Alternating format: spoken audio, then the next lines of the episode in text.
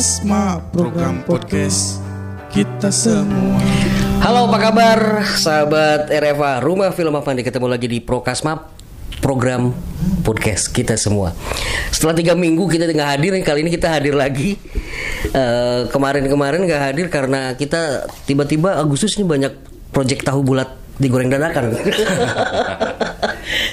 Sampai-sampai prokasmanya gak kegarap sama sekali. Depending dulu ya. Dipending dulu. Jadi eh, mohon maaf nih kalau ada yang nunggu-nunggu Prokasma dan hari ini kita kedatangan tamu spesial banget. Ada Kang Haji JJ yang sudah hadir di sini. Makasih banget udah hadir sih. Ya, assalamualaikum, salam literasi. Alhamdulillah di sela-sela kesibukan yang padat. Ya. ah, bisa sempat hadir di program podcast kita semua. Kita bakal ngobrolin literasi. Dan langsung aja nih Kang. Eh,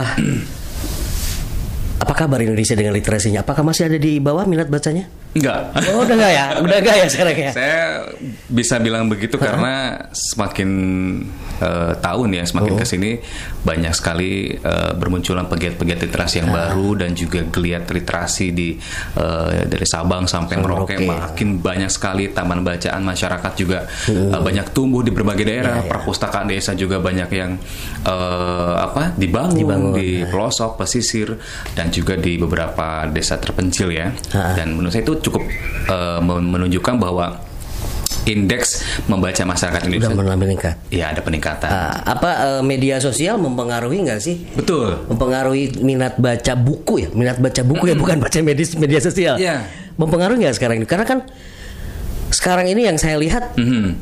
eh, jarang sekali anak-anak semacam mereka ini yang baca buku seperti ini, Bawa buku gitu ya, ke mana-mana gitu ya.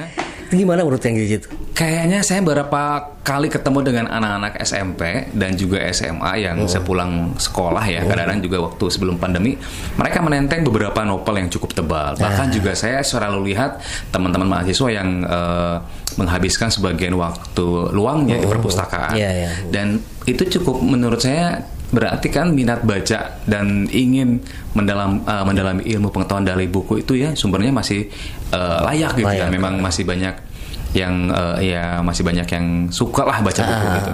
Kalau dari 10 orang nih, 10 orang anak siswa SMP ataupun SMA, berapa orang yang menurut penglihatan Kang Eh, JJ, mm-mm. berapa orang yang eh, suka baca buku dan berapa orang yang lebih cenderung ke Woi maju, woi maju, Ya. maju, maju.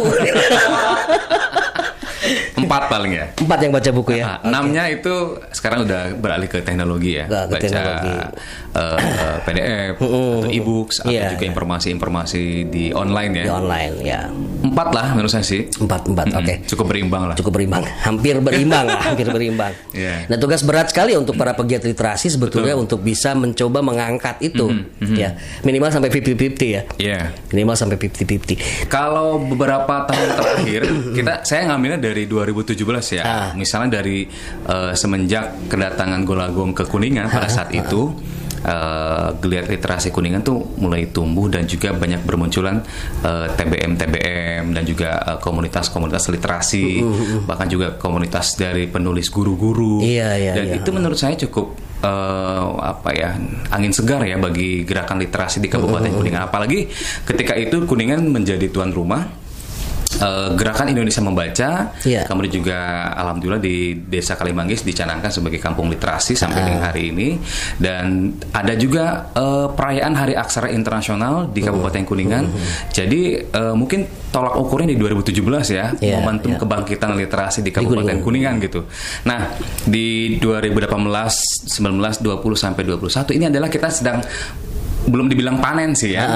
Masih seumur jagung lah ya. Iya, iya, eh, Geliat literasinya tapi sudah cukup menunjukkan hasil yang cukup positif ya. Iya, iya. Terbukti dari eh, banyak karya-karya guru, banyak karya-karya pegiat literasi Uh-huh. dan juga banyak banyak bermunculan para pegiat-pegiat literasi maupun dari komunitas literasi Ya, Iya. teman-teman buku SAM karena kita juga punya segmen masing-masing Iya, misalnya kayak betul. di TBM mereka lebih ke masyarakat menengah gitu ya Uh-huh. terus juga ada beberapa uh, warga belajar di PKBM belajarnya dan juga uh, pelajar formal di sekolah-sekolah dan Sekolah-sekolah, itu cukup ya. membuat saya uh, apa ya ber berdecak uh, berdecak kagum gitu bahwa di kuningan ternyata sudah sejauh itu Iya. Ya, ya tadi eh, apa sih namanya hidup segan mati tak mau. Apa yang harus dilakukan oleh para pegiat literasi agar TBM TBM yang ber- mulai dirintis Ya. tidak lantas kemudian mati gitu loh. Ya, kaderisasi sih. Kaderisasi ya. Itu PR saya sampai hari ini karena mungkin kalau dulu kan eh, saya fokusnya di satu tempat gitu ya di TBM Iya, saya. Tapi karena seiring berjalan waktu ternyata eh, pemerintah juga apa namanya mungkin ya me- meminta saya untuk aktif juga di forum taman bacaan masyarakat sehingga konsentrasi yang tadinya saya fokus pada satu titik ternyata Iya, sekarang iya. harus memikirkan begitu banyak teman-teman penggiat literasi yang eh, TBM-nya itu eh, sudah mulai bergeliat tapi mungkin butuh butuh eh, dukungan dan juga eh, apa namanya mungkin peluang lah ya. Peluang, ya, Nah, ya. itu kita coba bukakan misalnya ada TBM yang sudah berdiri bagus nah kita buka cari peluang kira-kira bisa kerjasama dengan mana Iya, terus iya, iya. kita ajak mereka untuk ikut kegiatan-kegiatan seperti magang literasi Iya. ada kemarin baru selesai penguatan TBM di kota Cirebon dan itu menurut saya cukup uh, membantu ya selain Iya, kaderisasi ya butuh uh, charge seperti itu Iya, ya, oke. Eh, seberapa mudah atau seberapa sulitkah sih Ki, kita Hmm. bikin TBM atau PKBM? Kalau PKBM memang uh, ini ya lebih ke Rumit apa gimana? ya perizinan juga mungkin harus punya bangunan yang uh, Oh, gitu ya. layak gitu ya untuk tempat belajar dan juga program-programnya harus memang disesuaikan dengan kesetaraan dan juga uh, program-program PK PKBM yang pada umumnya lah ya. Tapi kalau untuk taman bacaan masyarakat karena kita kan berbasis uh, mandiri ya. TBM Ya, itu kan ya. ada yang mandiri, ada yang di bawah PKBM. Nah, kalau yang di bawah PKBM ya gampang lah ya tinggal Mm, melaksanakan iya, sudah ada PKBM, sudah ada- ada PKBM. naungannya Nah, ya. kecuali yang TBM mandiri ini ke kekurangannya memang eh, apa ya mungkin mereka butuh survive di tahun-tahun pertama lah. Tahun-tahun pertama mungkin eh, kalau TBM itu memang punya banyak program dan juga didukung oleh berbagai macam pihak maupun mitra kerjasama itu akan cukup cepat berkembangnya. Tapi kalau misalnya di tahun-tahun pertama udah mulai mungkin kurang begitu efektif Iya. atau juga program-program tidak menyentuh apa yang dibutuhkan oleh masyarakat. Jadi TBM ini sebenarnya eh, menurut saya ya program-program yang dibutuhkan masyarakat butuh apa sih? Iya, Nah, kita iya. bikin programnya seperti itu. Jadi nggak nggak punya pro- bukan program kita yang ditawarkan ke masyarakat, tapi Kita mengikuti apa keinginan ya masyarakat. masyarakat pengen apa nih? Oh di Desa Ciawi misal butuhnya eh, seni budaya nih di TBM-nya fokus pada literasi budaya dan kewargaan. Ah, Atau mungkin di TBM di Bandung Rasa, di Bandung Rasa ini karena masyarakatnya senang dengan kegiatan pertanian, mungkin ke literasi sains. Ya, Jadi ya itu dia mungkin kita kembali ke TBM-nya mau fokus di mana dari enam literasi dasar itu eh, mereka akan pilih ke mana si eh, fokus unggulan programnya. Ya, apa aja tuh enam Ya. literasi dasar sebagai pengetahuan di teman-teman Ya, semua ini- nih ya. ini wajib nih. Wajib, wajib, wajib, wajib ya. Kalau di TBM itu wajib memahami 6 literasi dasar. Mungkin kalau di temen di tempat-tempat lain atau di komunitas tidak terlalu banyak digaungkan ya. ya. Tapi dari Kemendikbud memang sudah eh, mencanangkan bahwa gerakan eh, literasi nasional ini terdiri dari enam literasi dasar, literasi baca tulis, kemudian juga literasi numerasi, numera- eh, numerasi. numerasi, ada literasi finansial, literasi sains, literasi digital dan juga literasi budaya dan keluarga. Nah. Enam enam ini memang harus dikuasai sebenarnya oleh kita juga sebagai eh, warga negara Indonesia ya yang mau berkembang dan juga mau maju di abad 21. Ya, artinya ketika kita bicara literasi, kita tidak hanya bicara buku. Iya betul, tidak hanya Kita literasi bicara baca buku. tulis. Prokasma ini adalah juga bagian dari literasi. Ini literasi digital ini. Literasi Jadi digital. teman-teman yang hari ini mungkin melaksanakan podcast, yang YouTube itu juga udah aplikasinya udah langsung Ya. literasi Oh. digital. gitu. Oke, kira-kira nih rumah film Avandi harus dibawa harus dibawa ke mana nih? Harus dibawa ke mana nih? Saya pikir ini peluang besar ah. eh, karena sekian tahun saya coba berkiprah di literasi dan juga Hmm. eh, koneksi ke Kementerian Pendidikan dan Kebudayaan cukup terbuka lebar ya Ah, untuk siapa pun ya, tidak hanya untuk eh, saya sebagai penggiat literasi atau mungkin Arwis juga sebagai penggiat film gitu ya, Hmm. karena kita juga di Kemendikbud ada penggiat budaya. Penggiat budaya. Eh, mungkin suatu hari ini saya akan suatu hari nanti saya akan undang Kang Jul kalau nggak salah. Dia seorang eh, ASN di Kementerian Kebudayaan eh, Pendidikan dan Kebudayaan Republik Indonesia dan dia memang fokus pada mengangkat nilai-nilai budaya, sosial kultur budaya yang ada di Indonesia. Ya. Mungkin Rumah Avandi ini, Rumah Film Avandi ini bisa menjadi salah satu media dalam rangka mengangkat local wisdom yang ada di Kuningan. Itu yang mungkin menjadi eh, tumpuan saya ya kalau nanti Rumah Avandi ini pengen besar ya. Bahkan mungkin kalau sekarang sudah cukup dikenal, tinggal mungkin em, sedikit apa ya, sedikit sentuhan aja sih. Sentuhan aja. Sebetulnya yang jadi permasalahan adalah legalitas sebetulnya. Gampang itu. Sambil jalan. Jalan. Karena kita mentok di legalitas. Mm-mm, gimana? Ya misalkan Kemenkraf ada project. Hmm, eh, Oke. Tetap harus ada Betul. badan hukum. Badan hukum. Eh, Kominfo ataupun uh, Disparwood gitu Kalau ya. kalau saya mau menyarankan mungkin rumah Avandi ini biar jadi legalitas eh, kelompok atau perorangan ya, itu bisa didaftarkan ke notaris. Ha-ha. Itu ada apa izin izin nanti izin akta notaris sebagai perkumpulan atau perorangan atau eh, perkumpulan atau ko- komunitas itu. Komunitas, ya. Jadi sudah pasti akan dapat izin dari akta notaris, dapat akta notaris juga dari Kemenkumham. Tinggal nanti mungkin mau di bawah mana nih Nah, untuk pembinaan dan juga eh, mitranya gitu. Ya, ya, Organisasi mitranya di dinas mana nih? Ya, ya. bernaungnya apakah mau di dinas pendidikan dan kebudayaan atau mungkin Di juga apa, di Sparbud ya? Eh, mau di dinas Pariwisata. pariwisata dan kebudayaan atau mau di dinas pendidikan misalnya gitu. kan di dinas pendidikan juga ada ya ada ada. Ya kita sebetulnya seringnya kom- apa? Dengan mana dinasnya? dengan Pusbang Film Kemendikbud sebetulnya. nah kalau di ranah kabupaten berarti kita dengan eh, dinas pendidikan mungkin Iya. lebih karena kan anak-anak juga banyak yang masih berstatus sekolah ya Ya, ini jadi sedikit curhat curhat Gak juga apa-apa, sih. santai. kita sama-sama belajar juga saya. Nah, Kita jadi memberikan eh, pencerahan impian nih. impian RFA itu selain selain kita memproduksi film, tapi juga kaderisasi itu tadi. Iya, betul. Regenerasi Pasti bahwa itu. eh, anak-anak muda yang daripada apa ya ke konten-konten yang Mm-mm. ya game lah dan lain-lain Ya, ya, kita betul. ajarin gitu. Nah ini bagusnya nih kursus atau ya mungkin ke PKB. PKB bisa nggak sih kalau misalkan eh, ngadain kursus ke film kayak gitu? Bisa. Bisa ya? Eh, eh, atau kalau enggak mungkin bisa bentuknya tidak harus PKBM ya. Ah. Maksudnya kalau PKBM terlalu ini kan ranahnya ke kesetaraan ya. Kesetaraan. Oh Eh, iya iya paket iya. Paket B, paket Iya, iya, iya. lebih identik seperti itu. Ah. Kalau saya sih lebih ke biar biarkan ini jadi komunitas. Komunitas. Komunitas dan ada eh, apa namanya? Hukumnya ya, secara legal dan hukumnya, hukumnya, tercatat juga dan nanti ini bisa berkembang ke mana saja. Jadi tidak tidak mandek di sini gitu di PKBM misalnya gitu ya.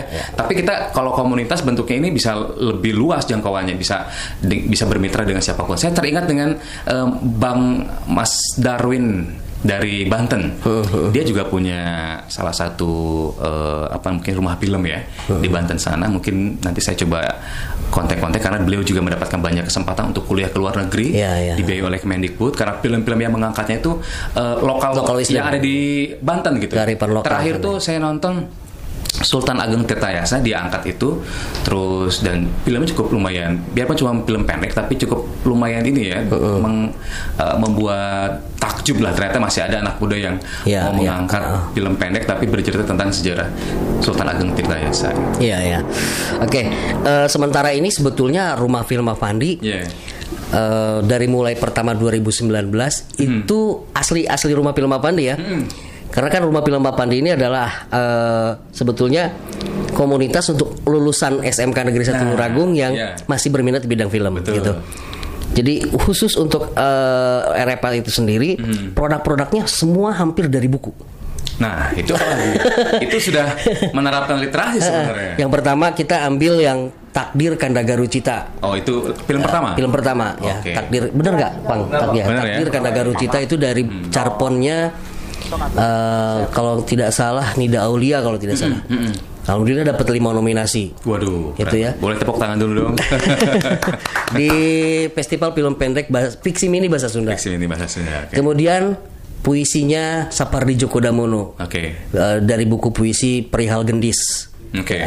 Kemudian puisinya Joko Pinurbo. Mm-mm. Mata su- eh, bukan mata sunyinya sih. Mm. Eh, apa sih judulnya? Ah, malam ini aku akan tidur di matamu. Hmm. Kemudian iya itu mata sunyi. Kemudian yang terakhir kemarin Ah, ah. eh, carponnya Darpan Mm-mm. Diangkat juga. diangkat juga. Oke. Judul aslinya ya Nu- Nuha yang dihargaan, tapi kita ganti judulnya jadi Renggana. Hmm. Alhamdulillah dapat juara juga. Luar biasa. Kemudian Black Wallet ya. Eh Black Wallet produksi itu. Kalau Black Wallet produksi Bonti Cinema. Bukan ya. Oke. Bukan bukan REPA. Hmm. Jadi seolah-olah kesannya REPA itu adalah spesialisasi eh, filmmaker yang mengangkat dari buku. Oh. Jadi Gitu. berdasarkan ini ya. Ya, namanya istilahnya ekranisasi, ekranisasi media dari dari Dari dari cerita, cerita pendek menjadi pendek. sebuah eh, tayangan visual gitu. kira-kira nih kalau misalkan RFA butuh cerita penulis-penulis kuningan mau nggak difilmin? saya malah tertariknya gini, Gimana? bukan tantangan ya, ini bukan tantangan eh, dari saya pribadi, tapi Ah. kita punya. Saya jadi inget film eh, buku karya Kang Pandu Hamzah. Nah, Ya. yang itu yang cermai itu daerah yang Ya. tidak ada di Google Map gitu ya, yang Ah, ah. kalau nggak salah judulnya itu satu tempat yang tidak ada di Google Map-nya itu cukup menarik karena saya sempat sempat membedah itu ketika datang berkunjung ke rumah Kang Pandu Hamzah bersama dengan Mas Golagong pada saat beliau sedang kunjungan dan saya coba culik karena memang eh, Kang Pandu pengen ketemu dengan beliau dan pada saat di rumah beliau dia mem- apa ya menjelaskan secara detail sekali isi novelnya itu. Saya pikir ini kalau di- diangkat jadi sebuah film cukup menarik ada mistisnya tapi ada eh, local wisdomnya gitu. Misalnya yang saya tahu kita nggak boleh ngerusak hutan gitu. Iya, iya, iya. Itu yang saya eh, tahu bahwa eh, hidup berdampingan dengan eh, makhluk lain tapi tetap eh, apa keseimbangan alam tetap kita jaga. Iya, iya, iya. Berharap, mungkin ya? iya berharap sih ada ada beberapa penulis. Iya. Ah, tapi udah di Kang Ipung. Hmm. Kang Ipung eh, dua babak luka ya, dua, Nah, dua itu. babak luka ya. Udah ya, udah diangkat ya? Eh, filmnya diantar siapa? Mudah-mudahan Kang Pandu kalau lagi denger mau gitu ya novel Iya. diangkat jadi sebuah film. Ah, gitu. jadi lokal mungkin- lah gitu lokal kuningan. Eh, kita di sini apa ya punya punya SDM lah, Ya. punya SDM untuk bisa memvisualkan Sebuah sebuah Karya, cerita. ya, cerita cerita. pendek sih sebetulnya kita ke cerita pendek karena untuk bikin uh, film panjang lumayan juga ya. lumayan besar Waktu- budgetnya dan waktu waktunya juga. Iya, iya, Kalau iya. film pendek kan cuma 2-3 hari lah bisa selesai gitu. Ya yang punya cerpen-cerpen yang sekiranya bisa digarap dan ngangkat kekuningannya, kekuningannya, kekuninganannya ya. Itu bisa kita garap insya Allah. Benar gak bang? Setuju nggak? Setuju ya. harus ya justru kita harus mengangkat eh, potensi-potensi yang ada di sekeliling kita ya. Ah, ah. saya sendiri punya beberapa catatan teman-teman penulis kuningan yang eh, mereka juga sebagai pegiat literasi eh, seperti Kang Anda Juanda. Dia cukup aktif ya. Iya. dia punya novel atau cerpen kalau nggak salah judulnya itu Sisir Nenek. Mungkin bisa Oh, diangkat jadi iya, sebuah iya. Nah, itu film. bisa juga ya. saya agak sedikit menggelitik ya kenapa judulnya Sisir Nenek gitu ya. Memang agak sedikit horor. Nah. terus juga ada Pak Saiful Amri yang memang mengangkat cerita-cerita anak dia memang fokus di sana. Ada Tehnita yang memang dia cukup lumayan sebagai seorang ASN ya dia cukup lumayan aktif dalam membuat cerita-cerita yang eh, lebih ke human interest Human ya, interest, ya. Eh, Tevera dengan cerpen-cerpen kesehariannya dia sebagai seorang eh, perempuan gitu ya Iya, iya, iya. ah. sepertinya tidak akan ke kekurangan Aroy Ah ya. Kalau di Kuningan ada ada komunitas penulis. Kalau dulu ada FLP kalau nggak salah ya. Forum Lingkar Pena kalau Lingkar dulu. Pena. Itu masih ada. Masih ada sekarang masih ada ya. teman-teman yang di FL ini mereka biasanya kumpulnya di Masjid Syarul Islam. Oh, Setahu iya, saya iya. waktu itu Ah. kadang pernah ketemu pada saat saya sedang eh, menjalankan tugas sebagai eh, pengelola kolecer ya kotak literasi cerdas. Saya sempat ketemu dengan mereka dan mereka juga cukup lumayan aktif mengadakan pertemuan, pertemuan seperti itu. Ah, Nah kalau untuk di forum TBM juga kita juga tidak hanya ngurusin TBM sebenarnya. Nah. Ya itu gara-garanya gara-garanya Mas Gong ke Kuningan. Ah, ah. Nah, beliau memberikan tantangan, Kang J, bisa nggak nanti sepulang saya dari Kuningan nerbitin buku waktu itu? Ah. Waduh, saya bilang saya nggak pernah ngurusin buku waktu itu ya karena kan lebih banyak mengkampanyekan gambar membaca. Tapi Hmm. beliau menyampaikan bahwa pegiat literasi itu tidak harus eh, tidak hanya gitu ya mengkampanyekan gambar membaca, tapi Iya, juga iya. harus menulis gitu. Karena seperti yang kita tahu bahwa jakatnya dari membaca itu menulis. Nulis. Jadi sekian banyak buku yang sudah kita baca, Ah. ya mana zakat kita gitu. Ah. Ini mah satu buku lah. Nah, jadi kalau kalau kalau ini saya selalu mengingatkan hari ini kamu sudah baca berapa buku? Bukan hari ini kamu sudah kepoin IG-nya siapa? Ini aja yang saya bawa. Eh, mungkin Aris bisa saya tunjukkan. Ini ada salah satu karya dari teman-teman mahasiswa di Hmm. Stikes Kuningan, judulnya Embrio Literasi. Ini juga salah satu mungkin yang cukup eh, perdana ya di kampus kami Ah. dan ada beberapa juga yang misalnya ini punya Teh Vera, dia juga Ah. dengan eh, apa ke kemampuannya menulis kemampuan menulis puisinya dia Ah. akhirnya bikin puisi tentang 99 Asmaul Husna dalam labirin pencarian. Semuanya isi-isi isinya puisi semua tentang Asmaul Husna dan baru saja kemarin dicetak dan mudah-mudahan tanggal 8 September nanti bisa Ya. di-launching pada saat Hari Amin. Aksara Internasional. Oke, menarik tadi eh, literasi kampus ya. Kalau literasi sekolah sendiri ini sebetulnya hanya sekedar slogan atau memang sudah sudah berjalan sebetulnya? Sebenarnya sih sudah dilaksanakan sejak gerakan literasi nasional dicanangkan Ah, ya. ah, Awis. Jadi, 2017 kalau nggak salah. GLN ini, GLN ini sebenarnya kan cakupannya luas. Gerakan Ah, ah. literasi Ah. nasional ini ada tiga aspek sebenarnya yang di yang di- kita coba angkat. Ada gerakan literasi keluarga, gerakan literasi sekolah, dan gerakan literasi masyarakat. Nah, saya selama ini memang uh, fokus di gerakan literasi masyarakat, Masyarakat. karena Ah. memang fokus di TBM ya. TBM ini kan memberikan ruang bagi masyarakat untuk bisa mengakses buku bacaan. Mereka dapat uh, membaca dengan free di TBM ataupun juga di uh, rumah baca atau juga mungkin di komunitas literasi namanya ya. Uh, Kemudian juga di gerakan literasi sekolah sebenarnya sudah sudah cukup lama juga. Hanya beberapa sekolah saja yang memang paham ya bagaimana Iya. bagaimana menjalankan program. Gimana sih GLS. seharusnya gitu? Gimana seharusnya Ya. GLS itu? Kalau yang sudah saya coba eh, aplikasikan, ada beberapa sekolah yang daerah Ciawi, misalnya di SMP 2 ya, Uh-huh. SMP 2 Ciawi itu cukup lumayan bagus. Eh, gerakan literasi tidak hanya membaca 15 menit sebelum belajar, tapi juga ada setiap hari Jumat atau Kamis ada membaca bersama, ada juga kita kelas menulis, Uh-huh. ada klub eh, menulis anak-anak ya di sekolah dan kita sampai meng- menghasilkan sebuah karya buku kalau Ya, nggak salah jejak di perbatasan jejak literasi di perbatasan itu eh, karya salah satu produk dari gerakan literasi yang ada di Sekolah. SMP, SMP. sekolah ya maupun SD SMP SMA lah ya Iya, iya. nah untuk sekolah-sekolah yang lain memang masih seputar lebih Memba- membaca 15 menit Iya. sebelum itu juga sebetulnya tidak terlaksana sebetulnya. cukup lumayan ini juga saya agak menggelitik kayaknya karena m- mereka masih beranggapan bahwa oh GLS itu membaca buku 15 menit sebelum, Ah, sebelum ah. belajar gitu. padahal misalnya di sekolah ada pojok baca mereka bikin saung saung literasi. Mereka bikin pelatihan untuk menulis skrip. Iya, penulis eh, skenario, skenario misalnya gitu. Atau ada pelatihan menulis buku. Nah pelatihan jurnalisme misalnya itu juga bisa dilaksanakan di sekolah. Hanya itu. memang kembali lagi ke sekolahnya kebijakan ya, kembali ke kebijakan ke decision makernya. Menurut saya di SMK uh, Lurangu Ah, ya, SMK ya berapa? Tiga ya? SMK 7 SMK sebetulnya. 7 sekarang ya? SMK 7 namanya sekarang ya? Itu cukup lumayan berhasil untuk gerakan literasinya. Salah satunya ya sudah melahirkan banyak uh, teman-teman ini Iya. yang bergeliat di bidang film. Bahkan 2017 kita ikutan festival literasi sekolah di Ya, Kemendikbud. ya, di Kemendikbud ya. Cuma memang uh, mungkin harus dile- lebih dilebarkan lagi sayapnya. Ya, ya. Mungkin Bonti ini karena sudah banyak produk uh, filmnya, saya pikir bisa uh, membuat produk buku ya dari hasil naskah-naskah dramanya itu dikumpulkan. Jadi mungkin antologi bentuknya atau mungkin juga bunga rampai Iya, iya. atau mungkin juga kumpulan naskah uh, Film. skenario film, Mm-mm. bukukan nanti di launching pada saat ulang tahun sekolah dan mungkin bisa dijadikan sebagai produk literasi SMK gitu. Menarik, menarik. Mudah-mudahan eh, para penentu kebijakan di SMA 1 Luragung bisa mendengar. Kalau perlu saya bisa datang ke Oh, sekolah, gitu ya. nanti bisa lebih mengadvokasi bapak Iya, kepala iya. sekolah atau mungkin juga bapak ibu guru yang Iya, oke, eh, oke. di bidangnya lah gitu. Nah, terakhir barangkali ini sebagai quotes nih ya, quotes quotes dari seorang pegiat literasi dari Kang Haji. Apa nih? Apa nih buat anak-anak muda nih?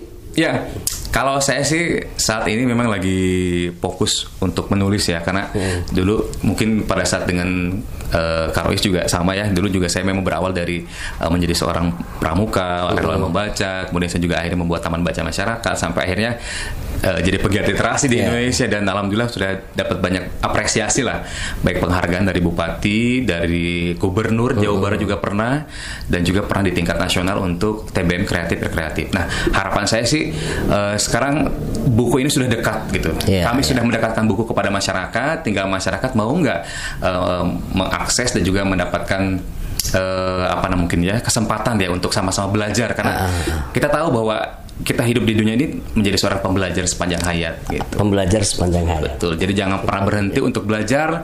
Jangan kalah sama Ici yang sudah usia 60 70 tahun masih mau belajar Ah, ah. sampai lulus USBN juga. Ah, hebat keren Betul. banget.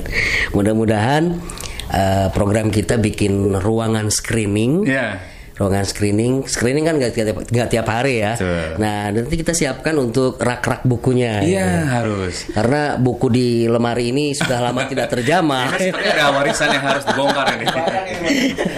Iya, warisan TBM yang eh, Di ini ya. di mana di Olecet itu kan ya, bisa buku di- anak-anak itu nanti Betul. bisa tarik semua ke sini gitu. Hmm, dan mungkin juga bisa di belakang ada bisa kita buatkan saung ya Saung, untuk, ya. untuk sekedar diskusi Ah, bedah ah. buku atau Betul, juga betul, mungkin betul. eh, lapak buku lah Ya. Mungkin banyak ininya ya jenisnya ya Jenisnya banyak. ragam kegiatannya bisa kita lakukan di di Ya. rumah film Apandi dan mudah-mudahan rumah film Apandi ini jadi salah satu trendsetter Iya, belum pernah kayaknya Amin, belum pernah amin, ya amin. Anak muda gitu. Ya, anak muda. Mudah-mudahan dengan eh, teman-teman yang belum mensubscribe, oh ya like dan komen harus Semakin banyak subscribernya, semakin banyak viewernya, Iya. kesempatan untuk membangun ruang kreasi di Wes. belakang itu semakin besar. siap. Oke, makasih Kang Haji JJ ya. sama-sama. Mudah-mudahan eh, pertemuan kita ini menginspirasi banyak orang, amin memberikan apa namanya motivasi juga untuk teman-teman yang ada di rumah film Apandi. Kapan-kapan kita ketemu lagi ngobrol bareng tentang literasi Mhm. dan eh, mudah-mudahan kita bisa berkarya bareng nih. Iya, Ditu- harus. Ditunggu ya, ditunggu nih Iya. cerita-ceritanya nih. Sa- saya sih berharap besar ya karena saya dengan Karo juga eh, kita tidak hanya mungkin dekat saat ini saja tapi memang sudah sudah sejak lama juga kita cukup banyak melakukan berbagai program dan tinggal mungkin sekarang eh, rumah film ini nih mungkin fokusnya ya Iya, fokusnya di supaya film. bisa kita angkat karena itu kan juga salah satu aset ya Iya, aset iya. Kabupaten Kuningan karena ya seperti yang teman-teman tahu sudah banyak prestasi saya tahu film-film sudah banyak meraih banyak penghargaan tinggal bagaimana nih pemerintah atau mungkin Hmm. dinas terkait atau juga mungkin kementerian bisa memberikan perhatian Amin. rumah amin. film apa Amin. Eh, Nggak perlu muluk-muluk perhatiannya. Cuma ruangan aja tuh di belakang. insya Allah insya Allah tidak ada yang tidak mungkin ya Tidak yang kalau tidak sudah mungkin. kun pasti payakun Payakun. amin ya Oke sekali lagi makasih Sama-sama. Hmm. teman-teman makasih banget sudah simak kita obrolan kita dari mulai tadi menit pertama sampai sekarang di menit ke 26 Sekali lagi kita ketemu nanti minggu depan masih kita bicara literasi untuk September ini kita bakal bicara literasi. fokus di situ ya Fokusnya bakal situ. Siapa yang bakal hadir minggu depan kita tunggu aja. Oke. tanggal mainnya. Oke, terima kasih semuanya. Assalamualaikum warahmatullahi wabarakatuh. Salam literasi. salam literasi assalamualaikum Prokasma program podcast kita semua